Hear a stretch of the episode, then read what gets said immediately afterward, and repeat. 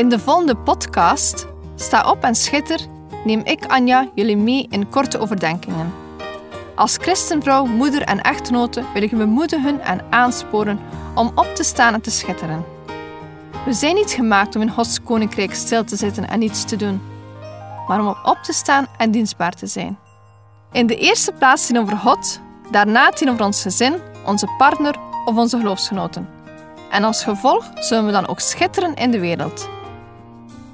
Neem je Bijbel bij de hand, want zonder Bijbel zijn we als een kok zonder eten of een zanger zonder stem. Dus luister naar, sta op en schitter.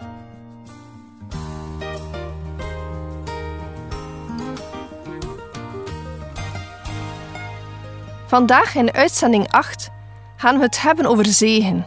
In onze maatschappij heeft zegen een andere inhoud gekregen dan de zegen die in de Bijbel voorkomt. In het moderne spraakgebruik betekent iemand zijn zegen geven vaak op een grappige manier toestemming verlenen. Maar dat is niet wat de Bijbel met zegen bedoelt. Het woordenboek van Dalen heeft de volgende twee verklaringen aan het woord. De eerste uitleg is: plechtig uitgesproken formule waardoor je Gods gunst over iemand of iets wilt laten komen. Mijn zegen heb je, ik vind het best. En als tweede verklaring staat er heil, voorspoed, hulp, gezien als gave van God. In beide uitleggen wordt zegen gelinkt met God. God wil je zegenen. Het woord zegenen komt meer dan 500 keer voor in de Bijbel. In het Oude Testament wordt het woord baruch gebruikt. Dat staat voor iemand heilzame kracht, heelheid te wensen. In het Nieuwe Testament wordt voor zegen het woord Eloheo gebruikt. Eu staat voor goed en logos betekent woord. Dat betekent dus goede woorden spreken. We kunnen onmogelijk al deze teksten in deze uitzending lezen, maar ik wil er toch enkele benoemen. De zegen komt al voor in het scheppingsverhaal, waar God zijn schepping zegent. Ook Abraham kreeg een enorme belofte van zegen. In Marcus lezen we hoe Jezus de kinderen tot hem laat komen en hij de kinderen zegent terwijl hij de handen op hen legt. Ook tijdens hemelvaart in Lucas 24, vers 51 staat er dat Jezus zegent. Ik ga het even lezen. En het geschiedde, terwijl hij hen zegende, dat hij zich van hen verwijderde en hij werd opgenomen in de hemel. Is het geen mooi gebeuren? Jezus verlaat het aardse leven en zegent de mensen. Hij wil ook ons zegenen. Ik lees een paar stukken uit Efeze 1, versen 3 tot met 14. Gezegend zij de God en Vader van onze Heer Jezus Christus, die ons gezegend geeft met alle geestelijke zegen. Hij heeft ons voorbestemd om als zijn kinderen aangenomen te worden door Jezus Christus. In Hem hebben wij de verlossing door Zijn bloed, namelijk de vergeving van de overtredingen.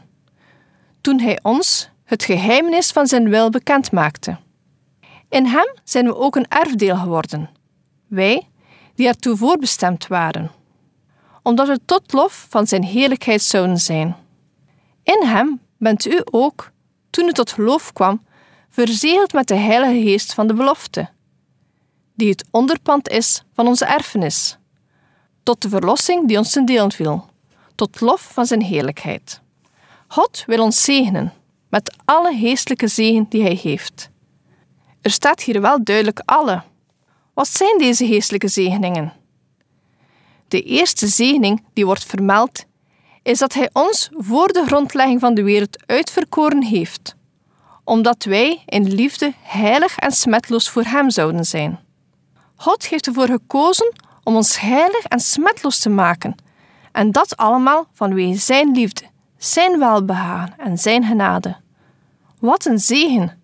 Dat zelfs toen we vol van zonde waren, God ervoor koos om Zijn genade aan ons te geven en ons zijn redding te bieden. De tweede zegen die wordt genoemd, staat in vers 5. Hij neemt ons als zijn kinderen. Niet alleen heeft God ons gekozen om heilig te worden gemaakt, maar hij heeft ons de volledige status als zijn kinderen. We mogen vader tegen hem zeggen. De geestelijke zegeningen zijn echt fantastisch. In de versen 6 en 7 lezen we dat we redding ontvangen en vergeving van zonden. En vanaf vers 8 en de daaropvolgende versen lezen we dat we de Heilige Geest ontvangen bij onze bekering. Deze geeft geeft ons inzicht en kracht om Gods wil te doen. Als laatste, maar niet de onbelangrijkste, kregen we een eeuwig leven. Een eeuwig leven zonder pijn en verdriet. Het is belangrijk dat we ten volle beseffen dat God ons zegent en dit dan ook dankbaar aanvaarden. Ik hoorde ooit een verhaaltje over een oudere dame die nog nooit buiten haar dorp was gekomen. Haar zoon kreeg de kans om in de stad te gaan studeren. Hij studeerde af en werd daarna een groot en rijk zakenman. Voor hem ging een nieuwe wereld open. Helemaal anders dan in het dorpje. Haar zoon werd financieel gezegend en wou zijn moeder hierin laten meedelen. Hij zond haar een cheque met een groot bedrag, zodat ze kon meedelen in de zegen. Deze oude dame wist niet wat ze ermee moest doen. Ze was er echt blij mee. Maar dan vooral omdat het van haar zoon kwam. Het was eigenlijk de enige waarde die het voor haar had. Ze hing de cheque aan de muur, maar deed er niets mee. Maar daarvoor had haar zoon de cheque niet gestuurd. Hij wilde dat ze de cheque zou verzilveren om te delen in zijn zegen. Ik hoop van harte dat het met jullie niet zo is en dat je ten volle bewust bent van Gods zegeningen. We zijn bij manier van spreken geestelijke multimiljonairs, gezegend met alle geestelijke zegen die in de hemel is. Als ik moeilijke momenten in mijn leven heb, dan kijk ik verder dan deze wereld. Dan kijk ik naar die eeuwigheid die ik als zegen kreeg. Ik stelde mij ook de vraag: maar hoe zit het met materiële zegen? Als je de Bijbel naleest, dan heeft Jezus nooit gezegd dat materiële of aardse zegeningen slecht zijn. Maar het volgen van Jezus garandeert ons geen aardse zegeningen.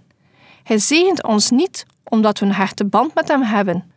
We kunnen Gods zegeningen niet kopen of verdienen door goede werken, onze eigen vastberadenheid of het gehoorzaam van Zijn geboden. God zegent ons omdat Hij God is. En Hij kiest de zegeningen uit. Ik heb al verschillende malen Gods zegeningen mogen ervaren, zowel met geestelijke als aardse zegeningen. Rond de leeftijd van 26 ging ik door een diep dal. Ik was toen nog geen christen.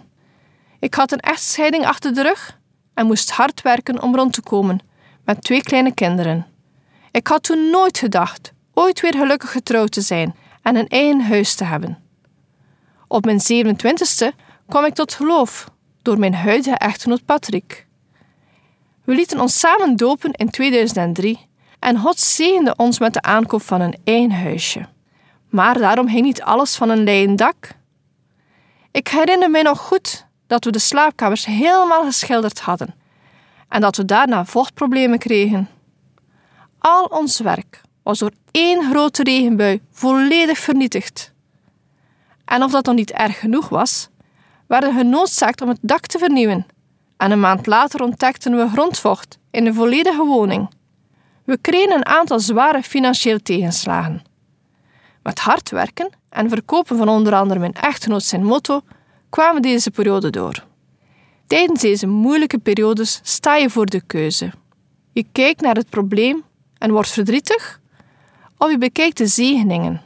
We hadden nog steeds ons eigen huisje, een goede gezondheid en een gelukkig huwelijk. Ik keek naar de vele zegeningen die hij ons al had gegeven. Ik had een tweede kans gekregen. Ik heb geleerd dat zegen niet is dat alles positief loopt in ons leven, maar dat we ons, ondanks slechte omstandigheden, steeds gedragen mogen voelen. Er is een oud liedje van Johannes de Heer die het zo mooi zegt. Tel uw zegeningen.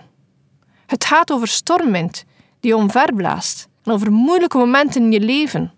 Zorgen, lijden, gebrek. Het refrein roept ons op om deze momenten je bewust te richten op je zegeningen. Het refrein gaat als volgt. Tel uw zegeningen, tel ze één voor één. Tel ze, tel ze alle en vergeet er geen. Tel ze, tel ze alle, noem ze één voor één. En je ziet Gods liefde dan door alles heen. Het is goed om zegeningen te tellen. Zelf schrijf ik al mijn zegeningen op die ik ontvangen heb. En wanneer ik dan terug in een moeilijke periode zit, lees ik wat God gedaan heeft. Dit is een echte aanrader. Maak een boekje met je zegeningen en je zult verwonderd staan van wat God in je leven doet. Er is ook een prachtig lied van opwekking die gaat over zegen. Dit is nummer 710. Ik heb er wat kleine aanpassingen aan gedaan en wil het hier voorlezen als een gebed. Zegen ons op de weg die we moeten gaan. Zegen ons op de plek waar we staan. Zegen ons in alles wat u van ons verlangt. O God, zegen ons alle dagen lang.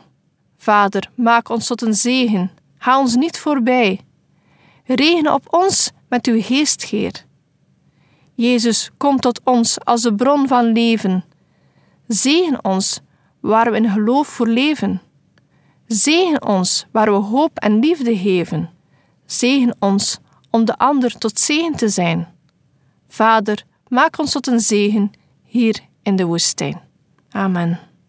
Ik wil u aanmoedigen om alle zegeningen op te schrijven en te tellen. Als je wilt schitteren als een mooie diamant, is het belangrijk om je te concentreren op de goede dingen en zo de slechte dingen in het juiste perspectief te plaatsen. Je zult je beter voelen, meer op God vertrouwen, gelukkiger zijn en je verheugen in de Heer. Sta op en sta open voor Gods zegen. Deze podcast kun je steeds opnieuw beluisteren via de website en app van twr.be. Als je deze aflevering leuk vond en je wilt de podcast helpen ondersteunen, deel hem dan met anderen. Heb je gebed nodig of wil je reageren op deze uitzending? Zend dan gerust een mailtje naar anja.twr.be. Bedankt voor het luisteren.